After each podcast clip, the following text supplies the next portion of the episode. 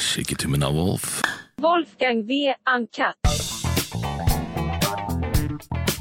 Sånn, det er jo øh, alle, alle treningskjeder går vel for liksom sånn coacher som er som har, har vel utdannelse, altså alt har sats og sånn eller er det fritt fram? Åssen er reglene rundt det der? Fordi, altså, Eh, Sånn som personlig trener, eksempel, det er jo ikke Ja. noen beskytta tittel, så det, det kan du òg være. Ikke sant? Når du kjøper Dessverre så er det gavekort sånn. Til moren din, da, eh, personlig trener på det lokale treningsstudio, Mm. da gjerne blir da Sats eller Fitness Express eller et eller annet sånt, så da er det helt vilkårlig hvem som Ja. står i andre enden. Det som, det som jeg syns er litt synd med akkurat det med personlig trening Jeg tror på den forrige øh, oversikten som virka av det, så var det vel Sats Elixia, så var det vel sånn øh, rundt 70 øh, et sted mellom 70 og 80 tror jeg, øh, som, øh, som ikke hadde mer enn PT-kurs.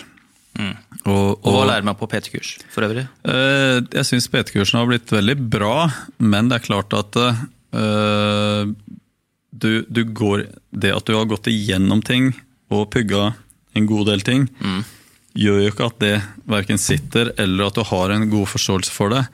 Eh, nå syns jeg ting har eh, ser ut som Nå jobber ikke jeg med, eh, med den type utdanning lenger. Jeg har vært forelest på det tidligere, og jeg syns det er mye bra. Men det er jo en stor forskjell på f.eks. skulle ta en bachelor på idrettshøyskolen og, og ta et PT-kurs. Og, og det er klart at det det er, det er flere ting som spiller inn på det, men, men eh, det blir fort sånn at det skal være en sånn quick fix, og, så gå, og det er gjerne de som henger på det siste kule. Og så er det at den som er best selger, er den som får kunder. Og, og det syns jeg dessverre er blitt veldig feil i den bransjen her.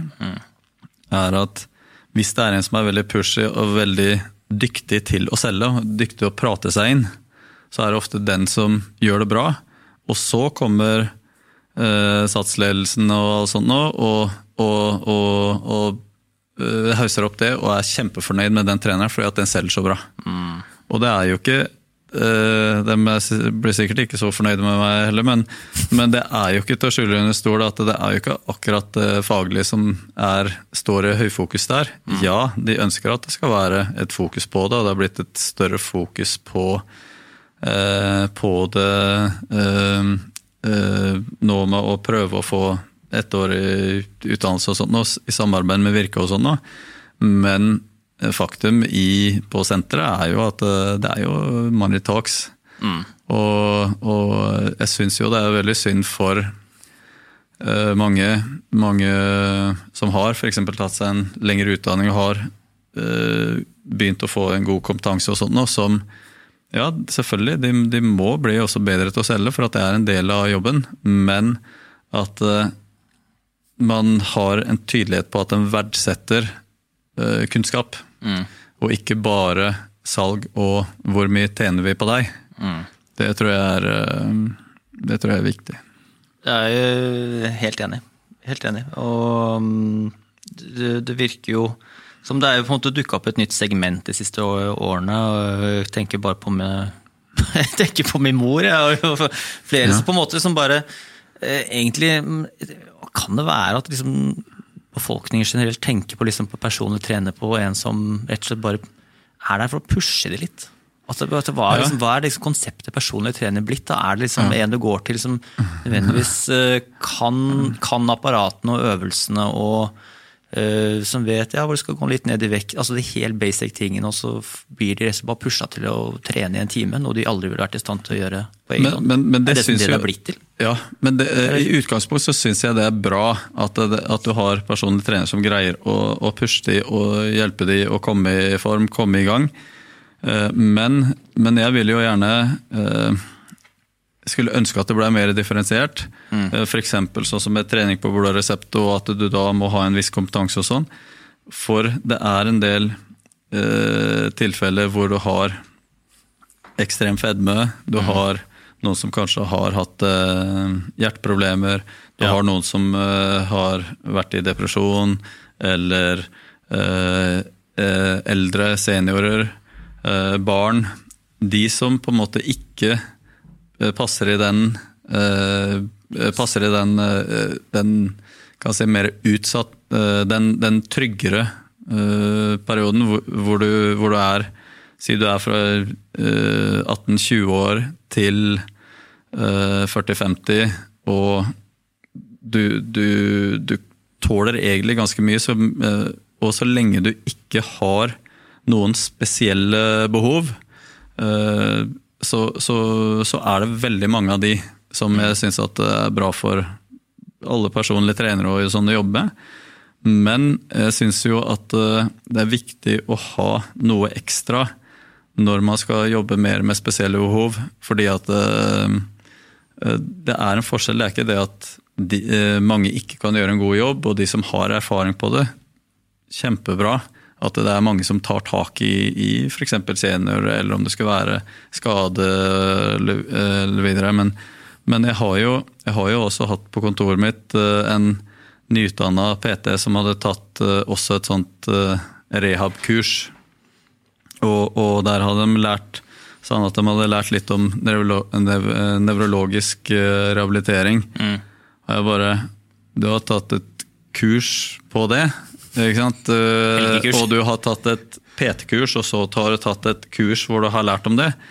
Og på senteret hos oss så har vi jo flere nevrologer og, og, s- eh, og um, spesialiserte fysioterapeuter, og jeg har jobba tett med de i mange år for å forstå enda bedre de nevrologiske pasientene og hvordan man skal trene de.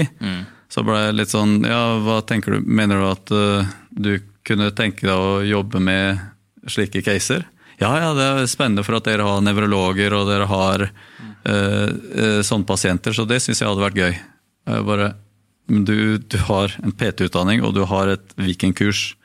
Eller om det har gått over to-tre det, jeg er ikke helt sikker på det. Men, men det, den At du ikke forstår sjøl da at eh, det her skal jeg holde meg unna.